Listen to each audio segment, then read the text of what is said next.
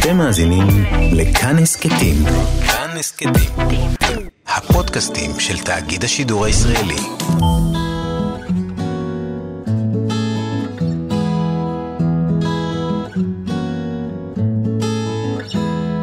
היי ושלום לכם, אתם איתנו שוב בקשיבות, פרק נוסף של קשיבות כאן בכאן תרבות, 104.9 וגם 105.3 FM, אמ, וגם בכאן הסכתים, כן, אתם אה, יכולים ומוזמנים להאזין לנו גם אה, דרך העמוד שלנו שם.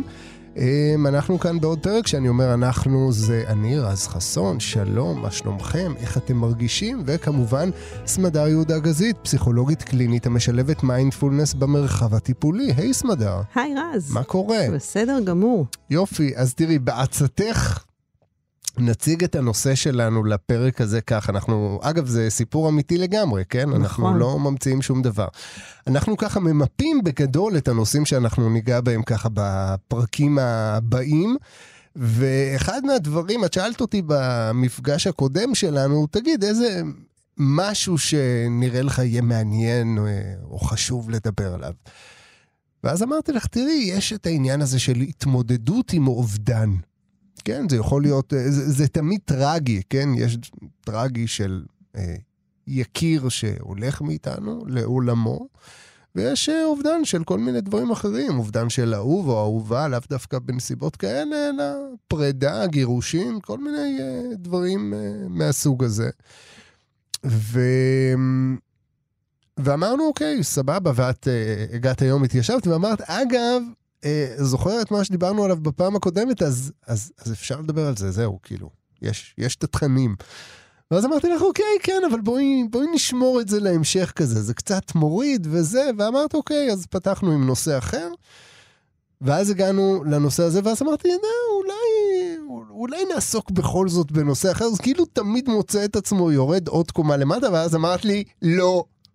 אנחנו ניתן לזה היום את הבמה, כי זה, זה כנראה הטבע האנושי, לקחת את העניין האובדני ופשוט אה, להגיד, אוקיי, לא רוצה להתעסק בזה עכשיו, ולדחוק אותו הצידה, והוא לא ייעלם מתישהו אתה תגיע אליו. ממש. בגלל זה אמרתי לך, אוי, זה נהדר שאתה שוב רוצה לדחות, אני גם לא אאפשר לך לעשות את זה, וגם זו דרך נהדרת לפתוח את השיחה שלנו, כי היא מאפשרת לנו ממש בזמן אמת להתבונן בנטייה האוטומטית של התודעה שלנו.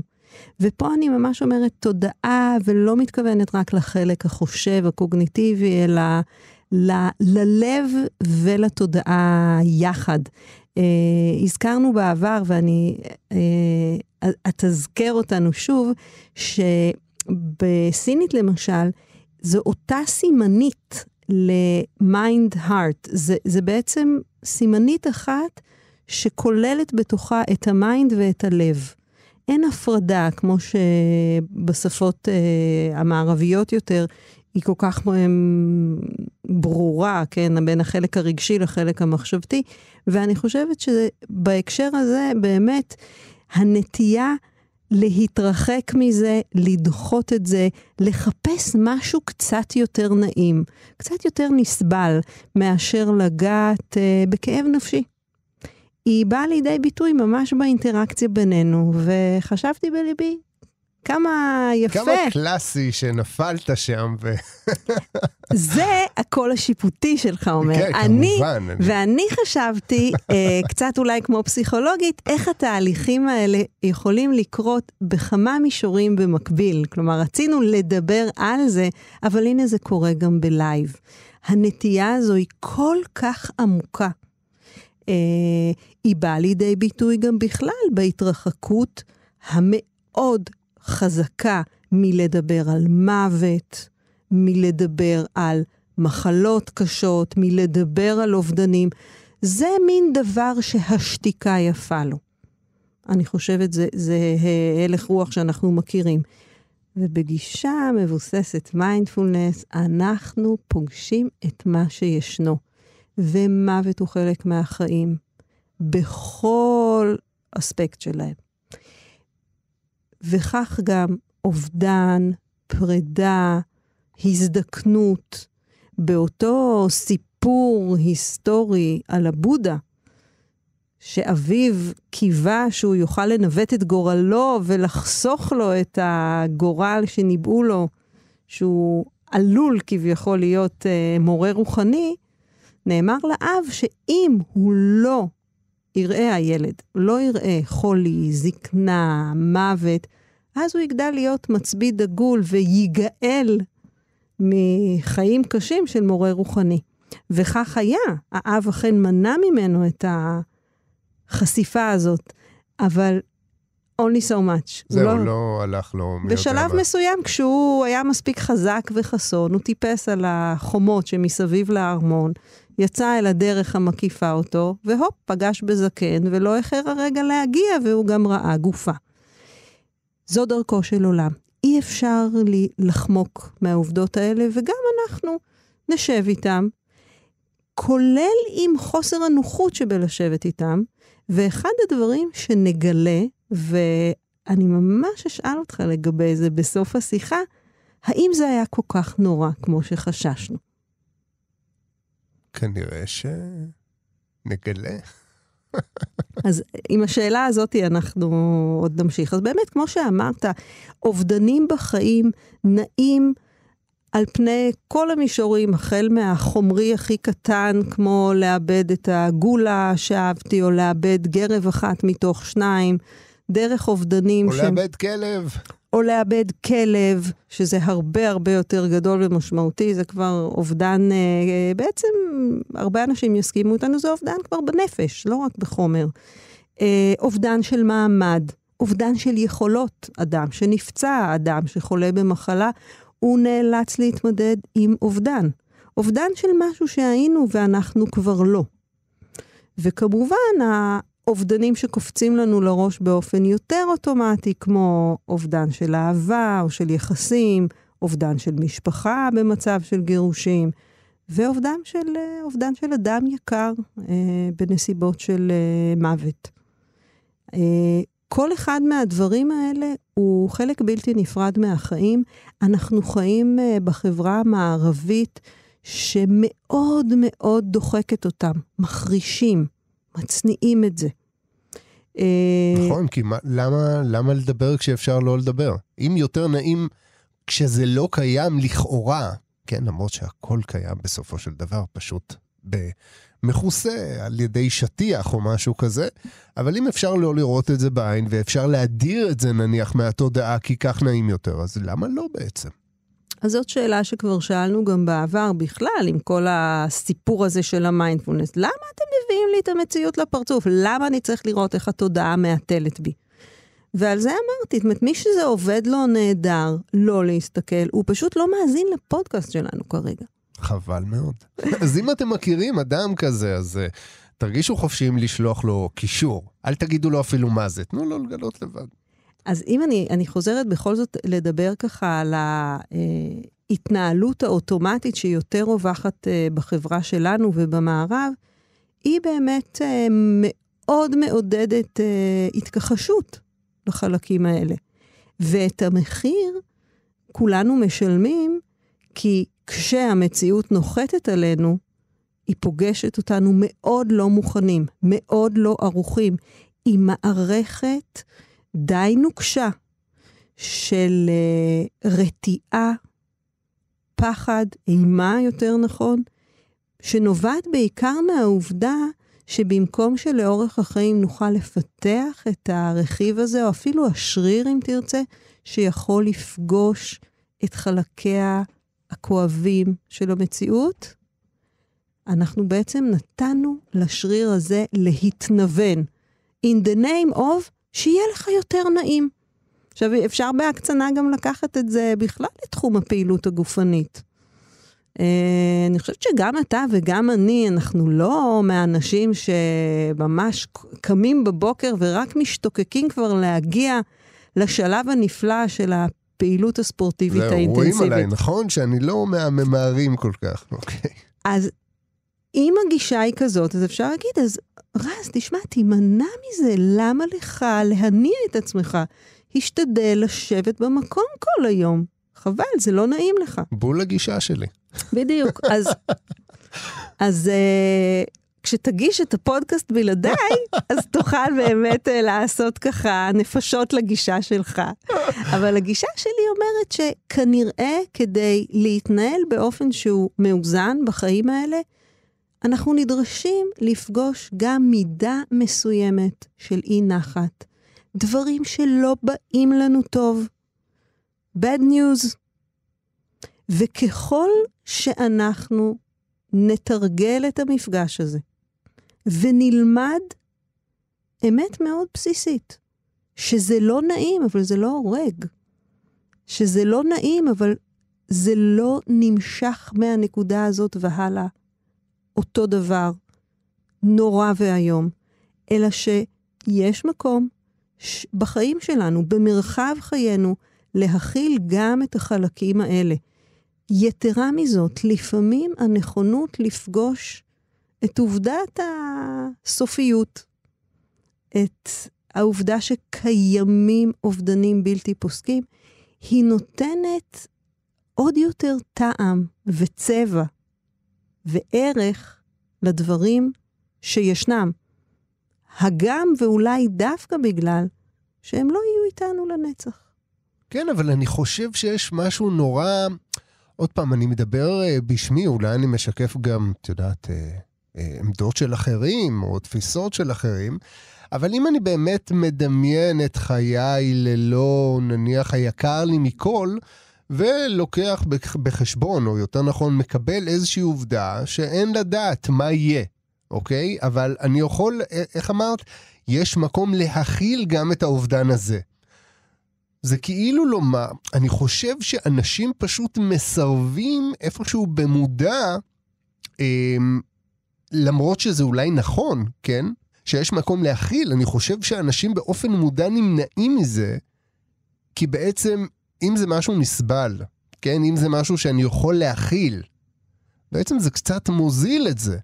כי יש איזשהו מקום בתוכך, שאפילו אה, לא רוצה לומר, אומר, אם אני מאבד את whatever, כן, כי זה הדבר החשוב לי, אין תכלית לחיי. כלומר, החיים שלי נגמרים באותו רגע. את עם המיינדפולנס עכשיו בעצם אומרת, אנחנו צריכים זה, פה, שם, להגיד שיש מקום להכיל את. יש מקום להכיל את אומר שאני יכול להתאושש מדבר כזה ולהמשיך את חיי הלאה. תראה, אני חושבת ש... אני מבינה את מה שאתה אומר, ואני חושבת שזה בהחלט משקף אה, לא מעט מההיגיון מאחורי ההסתרה, הדחקה, הכחשה של החלקים האלה בחברה שלנו. כשאני מדברת על הנכונות לפגוש את הדברים, אני בהחלט לא מתכוונת לכך שכולנו נוכל לשבת כל יום, לדמיין את חיינו בלי היקרים לנו מכל ולהגיד, אה, לא כן. נורא, נתגבר. כן, הכל, הכל יחזור למסלולו, גם אם ייקח זמן, גם אם זה לא רעד קל בכנף, החיים יימשכו, אני אמשיך בתוכם, ואכיל את זה כל יום, אז בלי בעיה. זאת uh, בהחלט לא הגישה שאני מנסה פה uh, למכור. אוקיי. Okay. אני חושבת שחשוב שנבחין שמה שאתה תיארת זה סוג של סיפור. כלומר, זה בדיוק האוטומט שלנו שאומר, וואו, אם יקרה דבר נורא, אני חייב לדעת מה יהיה. וכביכול, לפגוש אפשרות איומה כזו, כמו אובדן טרגי של היקר לנו מכל, אתה שומע אותי מדברת על זה, ואז אתה אומר, אוקיי, אז אם היא מדברת על לפגוש את זה, משמע, אני הולך בנתיב, וכאן מסמן את הבעיה, מבטיח לעצמי שיש לה פתרון, ואז אני עוצרת אותך ואני אומרת, זה ממש לא מה שאני מדברת עליו. אני מדברת על האפשרות to hold your horses, תחזיק את הסוסים האלה. אני לא יודעת וגם אתה לא יודע מה יהיה. אנחנו לא צריכים לנסות לנבא את העתיד, אבל אנחנו יכולים לפגוש את האפשרות הסבירה שנחווה בחיינו אובדן מאוד כואב. זהו. וכאן ממש לבלום את הצורך האוטומטי להשלים את הסיפור, לדעת את הסוף. אני לא יודעת מה הסוף, גם אתה לא. עצם הנכונות שלנו להכיר בלא ידוע הזה.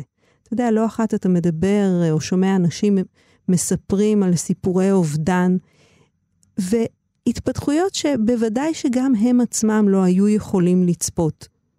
לעתים של התאוששות, אבל לעתים גם לא. לעתים אנחנו, אני, אני פוגשת לא פעם סיפורי אובדן שההתאוששות אחריהם הייתה מאוד מוגבלת. אני מוכרחה להגיד שבתפיסות של הפסיכולוגיה כמדע, בהחלט יש הצבעה ברורה על כך שהדיבור על מוות, הדיבור על אובדן, ההתכוננות הנפשית במובן של להניח את זה כחלק ממה שיש במצע הזה של החיים, היא משפרת את יכולת ההתמודדות. כלומר, היא מקטינה את עוצמת הזעזוע או השוק, כי בכל זאת שמענו פעם שיש דברים כאלה, נחשפנו להם. היא מאפשרת, אם, נרצ... אם, אם אפשר לומר, היא מאפשרת לנו להניע את הכוחות הפנימיים באופן שהוא יותר קל, עם פחות התנגדות. כי לפחות חלק מההתנגדות העמוקה עמוקה האוטומטית הזאת כבר כמו התרכך. מעצם הנכונות שלנו לתת לדבר הזה, לרכיב הזה, מקום בחיים. והכוונה שלי היא לגמרי לא תשב ותהרהר בזה ו- ותחוש צער עמוק באופן יומיומי. ממש לא. אני חושבת שכל אחד יכול להיחשף לזה במידה מסוימת. ועם המידה הזאת הוא עובד. מה הכוונה הוא עובד? הוא לא מנסה ללכת עוד ועוד אל הקוטב של ההכחשה, הוא מוכן לשבת עם זה. אני רוצה לצטט משפט מופלא של המשורר האמריקאי רוברט פרוסט. הוא אמר, The best way out is always through. ובתרגום, הנתיב הטוב ביותר החוצה תמיד עובר דרך הדברים. זאת אומרת שאם אתה באיזושהי סיטואציה קשה ואתה רוצה לצאת ממנה, הנתיב הטוב ביותר לצאת ממנה זה דרכה, כלומר להתמודד איתה. להיות שרוי בתוכה, שזה בדיוק כמו שקרה לנו סביב הקלטת התוכנית הזאת, זה להתגבר על האוטומט שאומר, אחר כך, מחר כך, לא עכשיו. מחר כך זה יפה. לא עכשיו. התיקון הקטנצ'יק הזה שרוברט פרוסט מציע, ובעיניי הוא אה, ממש מונח בלב התפיסה הזאת ש, שהמיינדפולנס מטפח, הוא אומר, כמו שאמרו חז"לינו, אם לא עכשיו, אי מתי. נפל עליך הדבר הזה, האובדן הזה, הכאב, האוטומט שלך יגיד, החוצה! אני רוצה לעוף מפה. וככל שאתה תוכל לשמוע את הזעקה הזאת, אבל לזכור שהדרך הטובה ביותר היא להישאר פה. לחוות, כי אין נתיב אחר. אי אפשר לחמוק מזה. עכשיו, אני לא אומרת את זה במובן של תדמיין לעצמך אובדנים ותכריח את עצמך לשבת בהם. זהו, כי אז אתה פשוט חי חיים איומים. שאגב, זה חלק מנתיב התרגול של נזירים, בעיקר במסורת הטיבטית. שמה? הם צריכים לדמיין את המוות של עצמם. אה, לדמיין את המוות של עצמך, האמת זה לא כזה נורא. ולדמיין, טוב, פה אתה יודע, אתה יושב מול פסיכולוגית, הייתי נזהרת בלשוני, לא אני במקומך. לא, נראה לי הגיוני, את יודעת, אנשים שומעים על כל מיני אסונות, ולפעמים אתה אומר לעצמך, אוקיי, כאילו, גם הקיום הפיזי שלי יגיע אל קיצו מתישהו. מעניין, איך זה, את יודעת מה, אני, אני, אני אפילו אחלוק משהו. אמ, לפני כמה שבועות עברתי בדיקה כלשהי, שלצורך העניין אה, הרדימו אותי. לראשונה בחיי עברתי הרדמה מלאכותית. עד אז מעולם לא חוויתי שום דבר כזה, ושוב לא עברתי ניתוחים טפו טפו טפו, זאת אומרת, לא היו לי עניינים כאלה. ועד אותו רגע של ההרדמה אמרתי לעצמי, כאילו, ברור לי שיש חומרים שמרדימים אנשים, כן? כאילו, יש רופא שזה כל עיסוקו, כן? לרקוח את העניינים האלה במינונים הנכונים, ואפשר להרדים כל אחד. וכמו ה... יש מערכון בארץ נהדרת, אני מכיר אותי, אני לא ארדם, הייתי בטוח שכאילו זה, זה היה נשמע לי מופרך, שמישהו פשוט מזריק לי משהו כאילו ואני נרדם. לא הגיוני. ו... ואז הבחור פשוט uh, אמר לי, אוקיי, אני עכשיו מרדים אותך וזה, אמרתי לו, סבבה, באמת חצי שנייה והייתי באאוט, ובאמת התעוררתי מבחינתי שנייה אחרי, זה היה כמובן דקות ארוכות אחרי. Um, לא הרגשתי את הפער, ואז אמרתי לזוגתי, תקשיבי, זה היה פשוט נפלא. זה היה פשוט נהדר, זה היה כל כך עדין, וההתעוררות עדינה. ואז אמרתי לה, תקשיבי, אם זה מוות, זאת אומרת, אם, אם כאילו פשוט להינמג, אם, אם יש דבר כזה, אם זה פשוט להתפייד לך לתוך הזה, זה ממש, ממש לא נורא, הסיפור no הזה. No big deal. כן, אז, אז כן, אז דמיינתי, כאילו, לדמיין את יום מותי. לא מהדברים הקשים שהייתי, את יודעת, צריך אה, להתמודד איתם בחיי, דווקא הפוך. הקושי באובדן זה לאו דווקא האובדן שלי עצמי, ב... זאת אומרת, לאבד את עצמי, כן? כי אני, אני לא אהיה כאן כדי, את יודעת, להתמודד עם האובדן שלי. אבל זה היקירים שלי, זה אנשים שאני אוהב, זה אנשים ש... ש... ש... שהקיום שלי מבחינתי, את יודעת, ה... ת... תלוי בהם. כן, השפיות שלי. אני חושבת שבגישה שאתה מציג, באמת, המוות שלך עצמך, אתה אומר, זה, זה, זה לא אובדן. זה שקט כנשירת אה, עלעל אה, בסתיו. כן. אה, אבל לא על, לא על האובדן הזה אנחנו באמת אה, מדברים, אנחנו מדברים על אותם אובדנים ששוברים את ליבנו. ועל הנכונות להכיר בכך שהם יבואו, אה, את ה... ויחד עם ההבנה הזאת, גם ההבנה שתהליכי ההתפתחות והשינוי ימשיכו להתרחש, בין אם נרצה ובין אם לא נרצה, והסיפור איננו ידוע. כלומר, כשאני מדברת ברוח רוברט פרוסט על לעבור דרך הדברים, זה בעצם סוג של התמסרות לתהליך שמה שאנחנו יודעים עליו בדרך כלל במצבי אובדן זה שעכשיו זה כואב באופן שקשה לתאר, ואנחנו לא יודעים את ההמשך.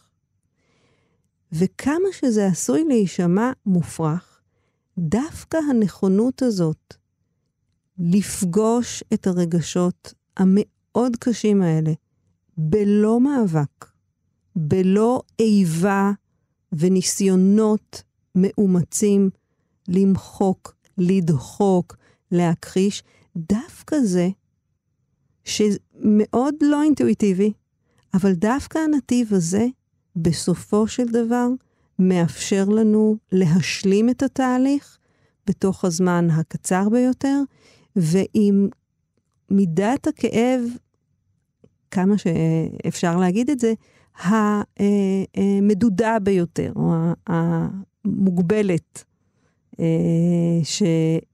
שהיא בלתי נמנעת. תראי, אנחנו דיברנו בתוכניות אחרות על כל מיני, אה, נקרא לזה, רגשות או תחושות, כל מיני דחפים עזים ובלתי נשלטים, כן? דיברנו על כעס ודיברנו על אה, אמ, על מה זה היה? על, אמ, על, על פחד, על קנאה, כל מיני דברים שבאמת ממסכים לך את הדעת ב, באותו רגע. ואני לא חושב שאף אחד מהם אמ, מתקרב אפילו ל... ל לא יודע, לחוסר היכולת הזאת פשוט להיות בתוך סיטואציה של אובדן. איך אמרת? פשוט לחוות, להיות בחוויה, להיות בחוויה, ולא להיאבק בה. זה ממש... זה, זה, זה, זה בעצם לשבת בתוך מדורה, כן? תראה, אני חושבת שהסיפור שאנחנו מספרים זה שזה לשבת בתוך מדורה. Uh, האמת, אם אפשר לדבר על אמת, היא שזה לשבת בתוך משהו שברגעים רבים הוא מרגיש כמו מדורה, וברגעים אחרים יש בו אולי הפוגות מסוימות, הוא מזמן קרבה אנושית שיש בה מידה גדולה של חסד לא פעם. אה, קרבה שמבוססת על, על אותו בסיס אנושי משותף שיש לנו עם הרבה אנשים סביב אובדנים משותפים. קרבה אנושית שהיא היא לא מתקנת, אבל יש בה סוג של מזור לנפש שאנחנו מתקשים לדמיין מראש, אבל אם לא נהיה שם באמת, גם לא נוכל לחוש אותה בזמן אמת. כלומר, הניסיון להיאבק באובדן קיים, הוא משאיר אותנו לא רק עם כאב האובדן, אלא גם מדלדל מאוד את כוחות ההתמודדות שלנו. ומקשה מאוד גם על האנשים שסביבנו, כמובן, לסייע לנו, כי אנחנו במידה רבה נאטמים. לעומת זאת, זה כאילו מין מתמטיקה בנאלית כזאת, אם נסכים להיות רק עם העצב והכאב, בלא המאבק, אנחנו פחות שואבים את משאבי הנפש שלנו.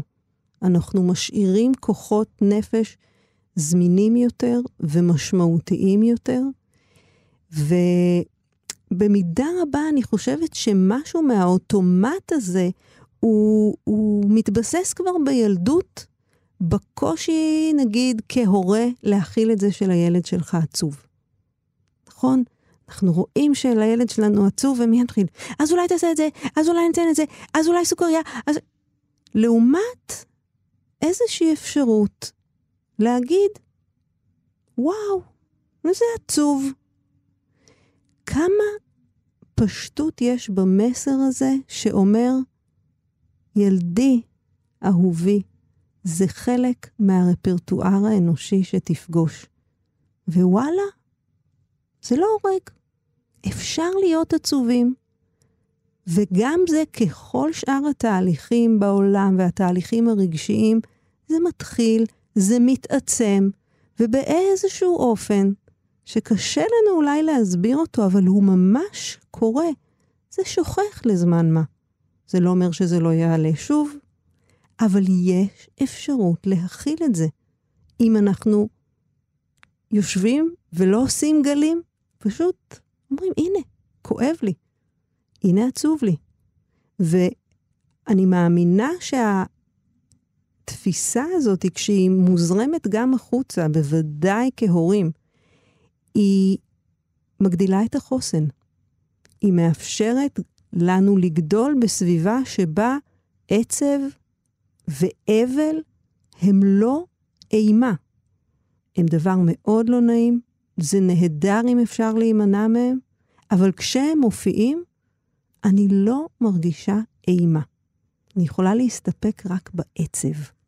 כשאמרת חוסן זה פתאום, את יודעת, קצת כיווץ אותי, כי אף אחד לא רוצה שיהיה לו חוסן מפני, אה, את יודעת, סוג של אסון שכזה. כי, כי, כי מה החוסן הזה בעצם נותן לי? הוא בעצם מגן עליי אה, מפני אה, אירוע שכזה. אני רוצה ש... אני, אני לא יודע אם זה הגיוני אפילו, שתהיה לי את הלגיטימציה להישרף עם זה. את מבינה מה אני אומר? זה הגיוני מה שאני אומר? מאוד. אני חושבת שכן. ואני מרגישה שהשיחה בינינו היא ממש מאפשרת לנו לראות את השיח בין שתי התפיסות, אם תרצה, המערבית יותר והמזרחית יותר.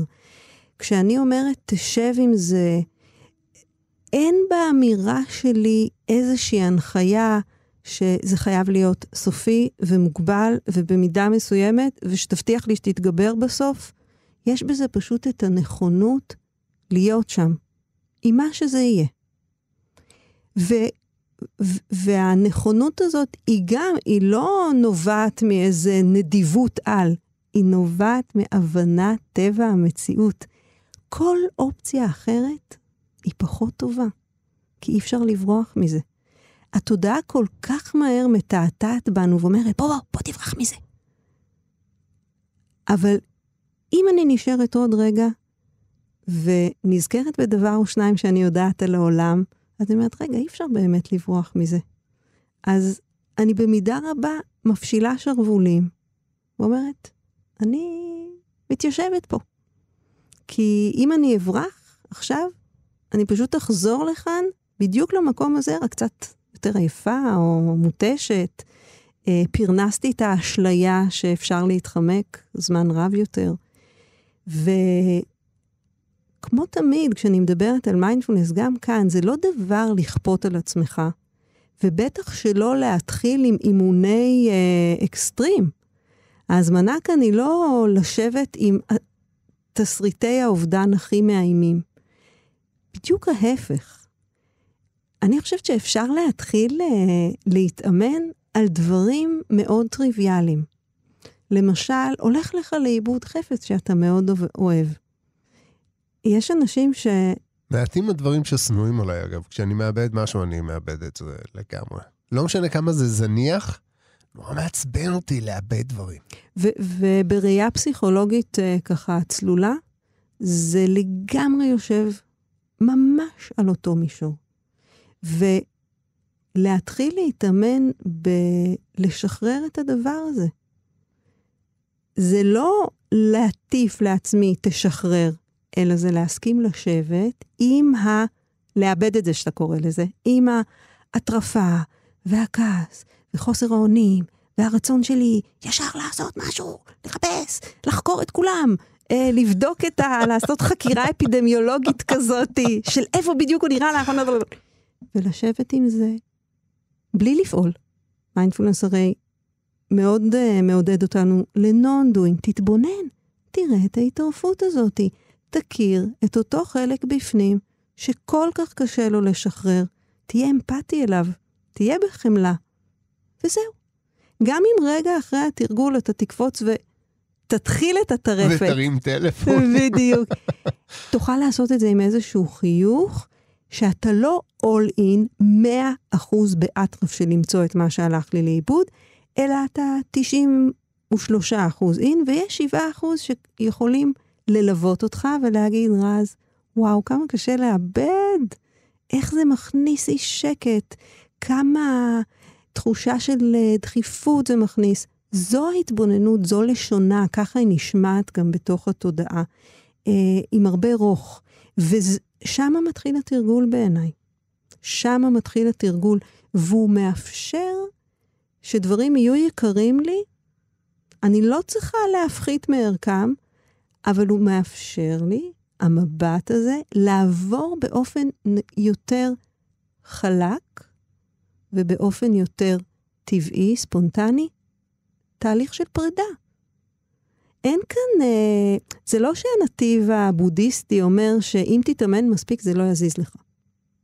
אפרופו שיחות קודמות שלנו, רגע, אז אה, זה שאני יכול להתבונן על רגשות, זה אומר שאני לא ארגיש שום דבר? חס וחלילה. זה אומר שאתה תוכל לחוות את הרגש, להיות ער, וגם לתת לו ללכת בלי בינתיים לבנות תילי תילים של סיפורים.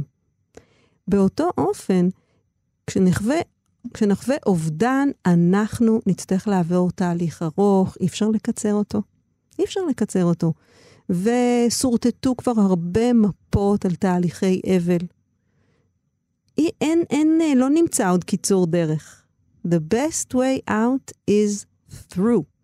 אבל אם אני עוברת דרך הדברים ממקום שמתמסר, שמשלים איתם, שמכיר במה שעובר עליי, ככל הנראה, אני לא אוסיף עוד סבל. זה סבל כל כך גדול. שנגזר עלינו אה, כבני אדם. ועצם המבט הזה, אה, החמלה הזאת, היא, היא כמו חמצן אה, לנפש. היכולת להחזיק את עצמנו, ואנשים יקרים לנו אולי שחווים אובדן, להחזיק אותם בחמלה, מתוך עמדה שמאמינה ביכולת האנושית להכיל רגשות כאלה, ובעיקר בלית הברירה. אין לנו אלא להכיל את הרגשות האלה, ובהדרגה סביבם לראות מה מתאפשר ומה מתפתח. בצניעות רבה אני אומרת את זה. אה, יש סרט נהדר אה, שנקרא אה, קרא לי בשמך. סרט כל... באמת נהדר. באמת סרט נהדר. ו... שמבוסס כמובן על ספר נהדר. נכון. אבל הוא ממש... הבימוי שלו, הביצוע שלו ממש מעולה. נכון. אז אם עדיין לא יצא לכם, אם קראתם את הספר זה אחלה, הסרט הוא גם uh, סוג של must. ורבים מסכימים שה-masterpiece uh, מבחינת התסריט והספר שעליו הוא מתבסס, הוא מונולוג הסיום uh, שהאבא מדבר אל בנו, שחווה uh, באמת uh, שברון לב ראשון של uh, נער מתבגר. Uh, וכשצופים בסרט, אז גם מי שלא עבר שברון לב כזה, הוא ממש מוזמן לחוות אותו בפעם הראשונה מתוך uh, הזדהות. והוא אומר לו שם משפט כל כך יפה. הוא אומר לו, יש כאב.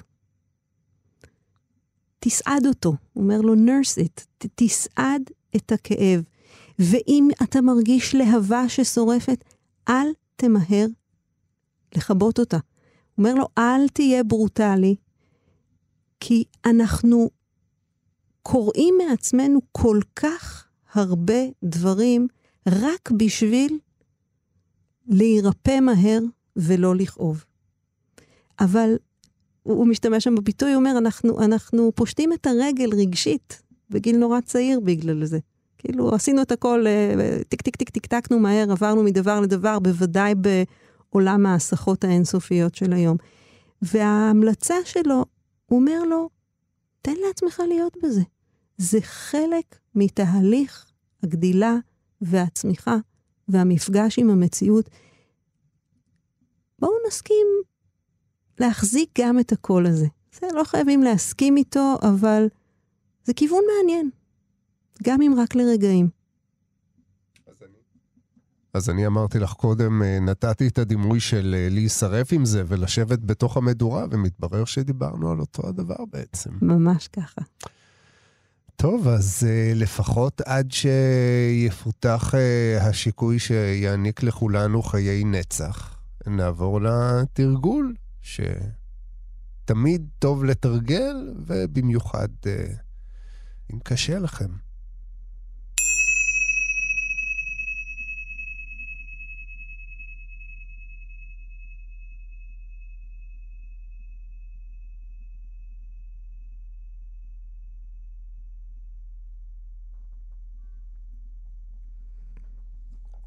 ניקח לנו ככה רגע או שניים אה, להרפות מהשיח, נגענו בדברים אה, אולי כבדים יותר מן הרגיל.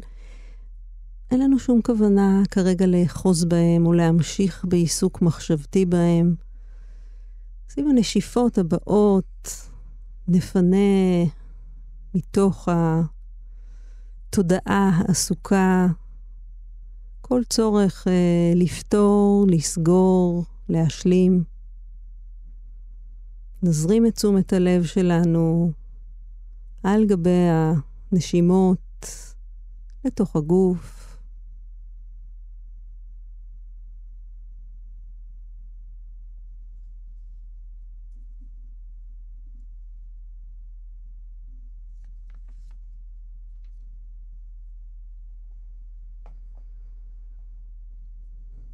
נוכל לשים לב מה מצבו של הגוף כרגע, ואיפה נוכל קצת להקל, להרפות ולשחרר.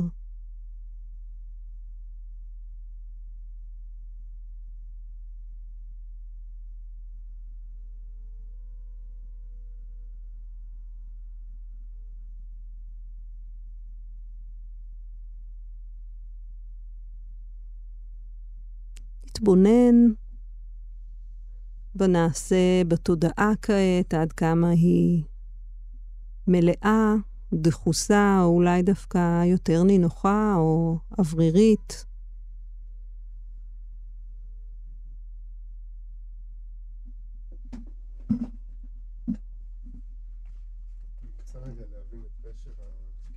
אין בעיה.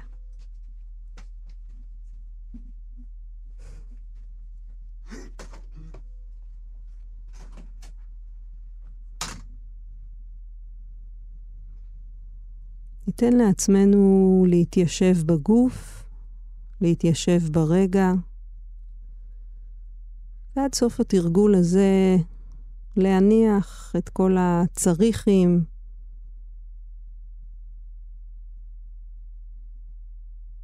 לפנות מרחב לשהייה הפשוטה הזו רגע אחר רגע, עם הגוף והנשימה, מבלי להידרש לכל הנעשה בתודעה או מחוצה לנו.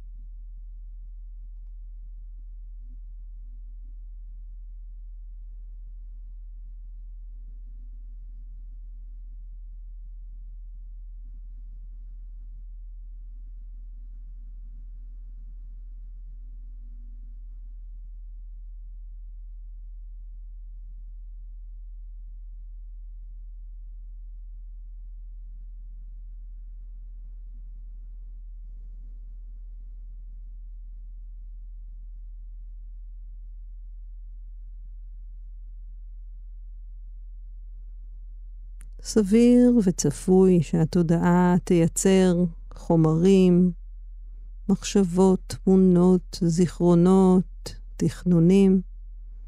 כל זה צפוי ועדיין הרשות נתונה. נתונה לנו הרשות שלא להזרים לשם את תשומת הלב. לבחור להשאיר את תשומת הלב בעוגן של הגוף ובעוגן של הנשימה.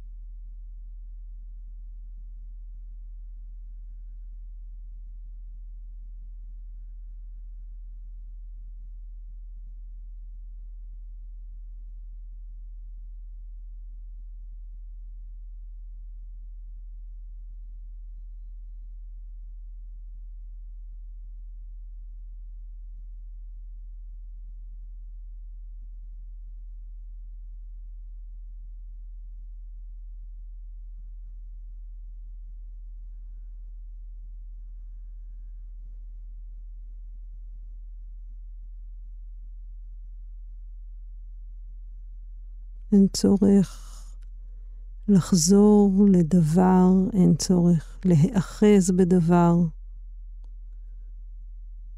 הוגנים בנשימה ומביטים בדברים שבאים והולכים. מסמנים לעצמנו, אפשר אפילו במילה, וחוזרים לנשימה.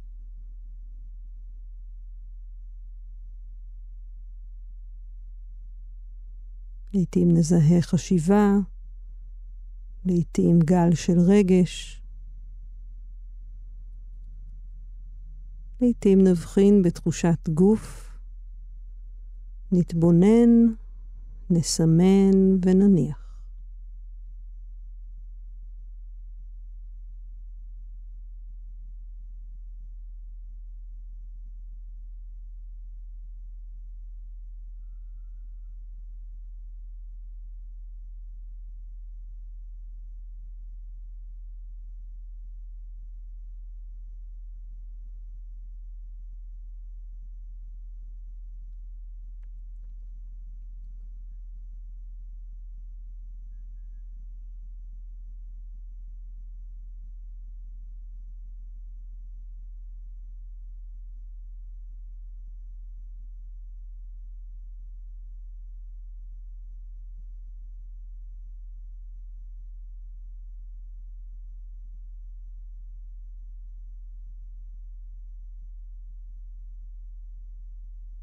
אתן לעצמי להיות עם מה שישנו.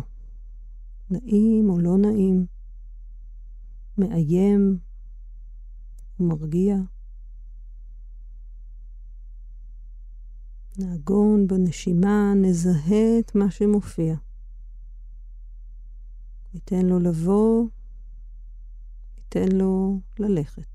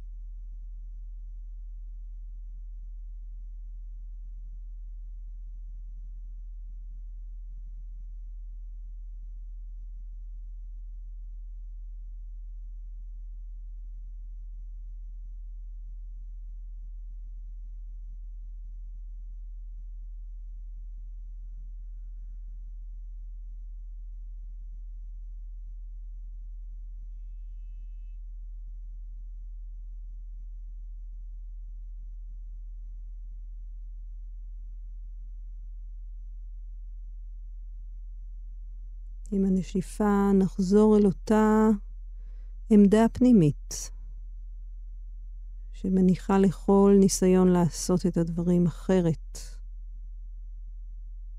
שפוגשת את מה שישנו כפי שהוא.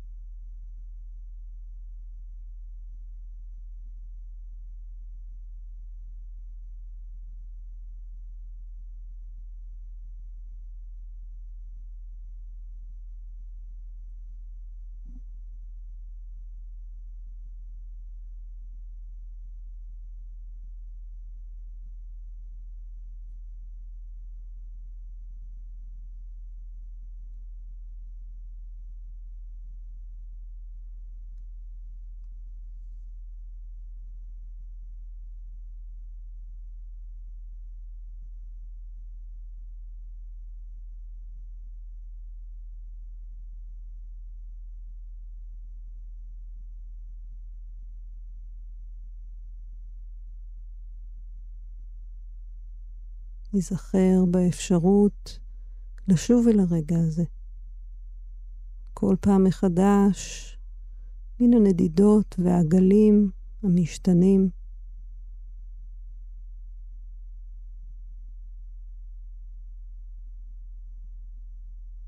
גם אם התודעה תנדוד עשרות פעמים, בסבלנות נחזיר אותה.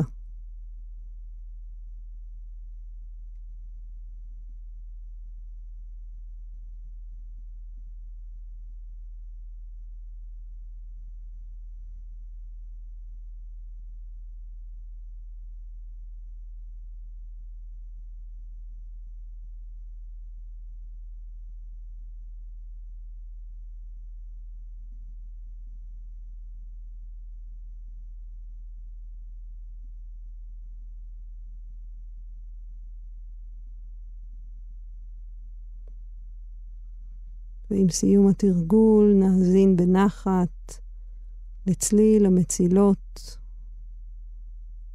עד סופו.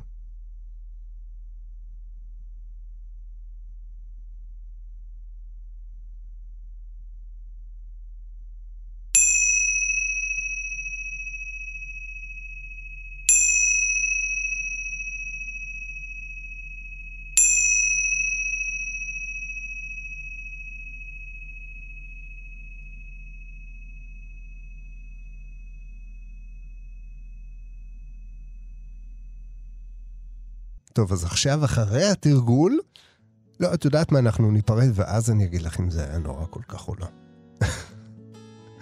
אז uh, סמדר יהודה גזית, תודה רבה לך שוב. תודה לך. ניפגש כאן ממש בקרוב.